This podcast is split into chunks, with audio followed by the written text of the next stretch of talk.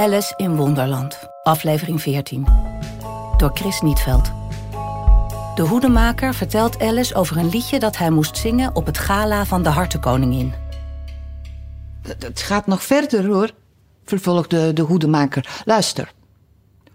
Hoger, verder gaat jouw vlucht, als een theeblad door de lucht. Twinkel, twinkel. Nu bewoog de zevenslaper. Begon hij in zijn slaap te zingen. Twinkel, twinkel, twinkel, twinkel. En daarmee ging hij zo lang door dat ze moesten knijpen om hem stil te krijgen. Nou, ik was nauwelijks klaar met het eerste couplet, zei de hoedemaker. Of de koningin sprong op en brulde: Hij houdt geen maat. Hij zingt zo vals als een kraai. Hij verknoeit onze tijd zijn hoofd eraf. Oh, wat ontzettend vreed, riep Alice uit.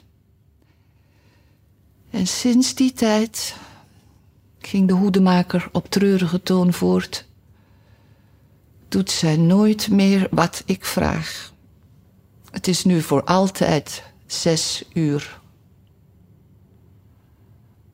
Nu ging Alice licht op. Staan er daarom zoveel theespullen hier op tafel? vroeg ze.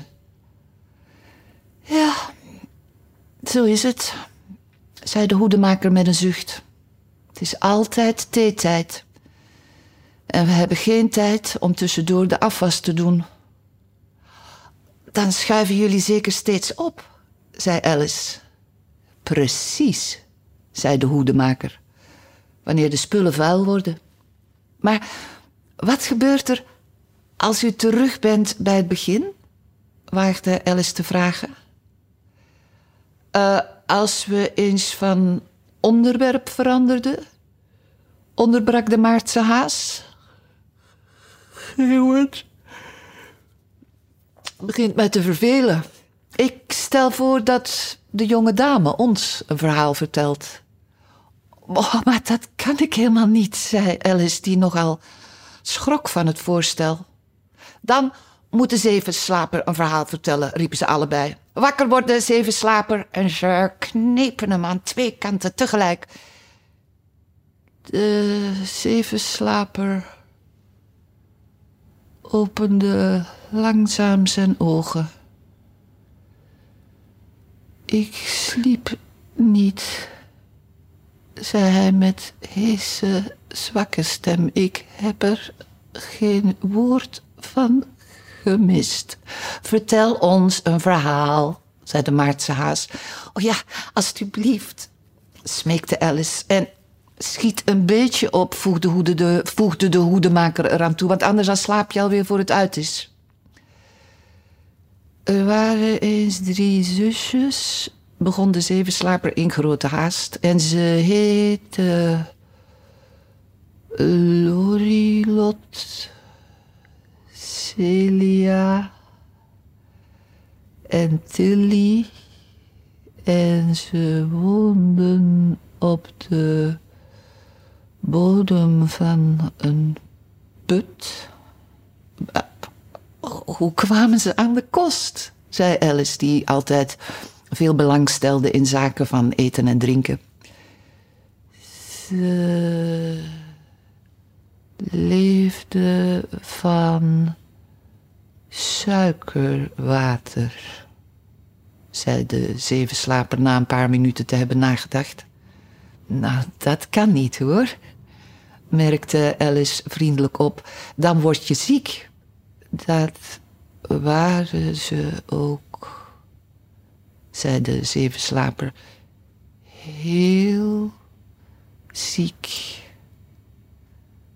Alice probeerde zich voor te stellen hoe dat zou zijn, zo'n buitengewone manier van leven. Maar dat werd haar te ingewikkeld, dus ging ze voort. Maar waarom woonden ze op de bodem van een put? Wil je nog meer? zei de Maartse haas zeer ernstig tegen Alice. Ja, ik heb nog niets gehad, antwoordde Alice beledigd, dus hoe kan ik nou meer willen? Je bedoelt dat je niet minder kunt willen, zei de hoedemaker. Het is heel eenvoudig om meer dan niets te willen. Eh, niemand heeft naar uw mening gevraagd, zei Alice. Oh, wie wordt er nou persoonlijk? vroeg de hoedemaker triomfantelijk. Alice wist niet goed wat ze hierop moest zeggen, dus nam ze wat thee en een boterham en richtte zich toen tot de zevenslaper en herhaalde haar vraag. Waarom woonde ze op de bodem van een put? De zevenslaper deed er weer een minuut of twee over om na te denken en zei toen: Het was een suikerwaterput. Die bestaan niet, begon Alice boos, maar de hoedemaker en de Maartse haas riepen: Sst, sst. En de zevenslaper merkte knorrig op: Als jij je niet kunt gedragen, maak je het verhaal zelf maar af. Nee, vertel verder, alstublieft, zei Alice. Ik zal u niet meer in de rede vallen. Wie weet, misschien is er ook wel één. En of er één is, zei de zevenslaper verontwaardigd. Maar hij liet zich overhalen. En zo gebeurde het dat die drie zusjes. Ze leerden namelijk putten, moet je weten. Wat, wat putten ze? zei Alice, die haar belofte totaal vergat.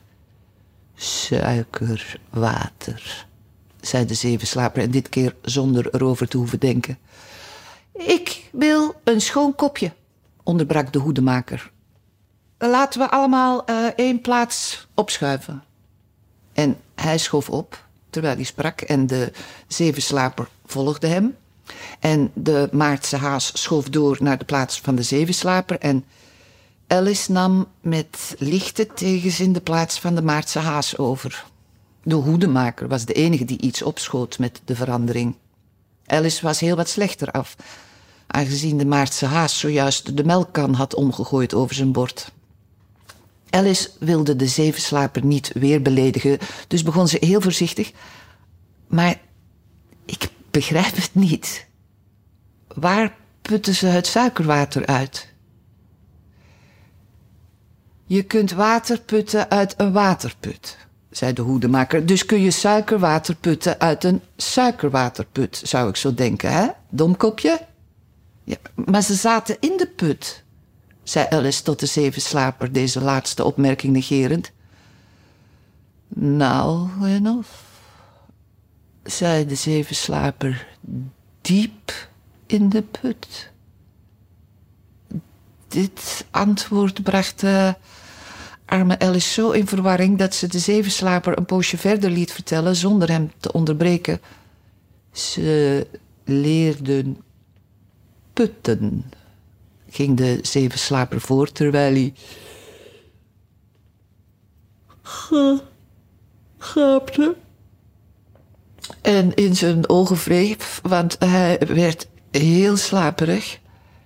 En ze putten allerlei dingen. Alles wat begint met een M. Uh, waarom met een M? Zei Alice. Waarom niet? zei de Maartse haas. Alice zweeg. De zevenslaper had inmiddels zijn ogen gesloten en doezelde weg.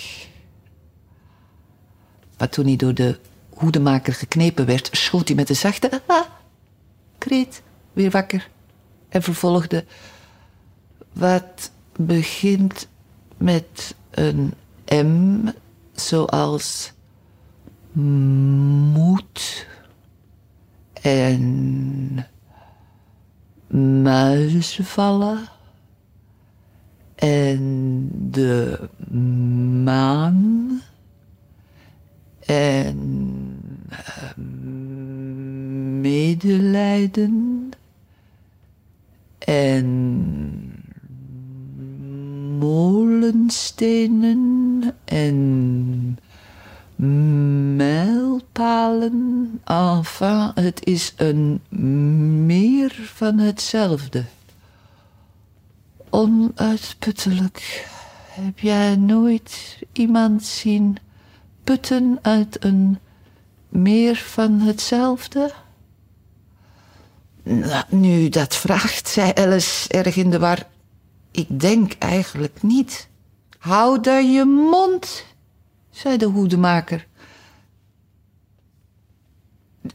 Dit staatje van grofheid was meer dan Alice kon verdragen.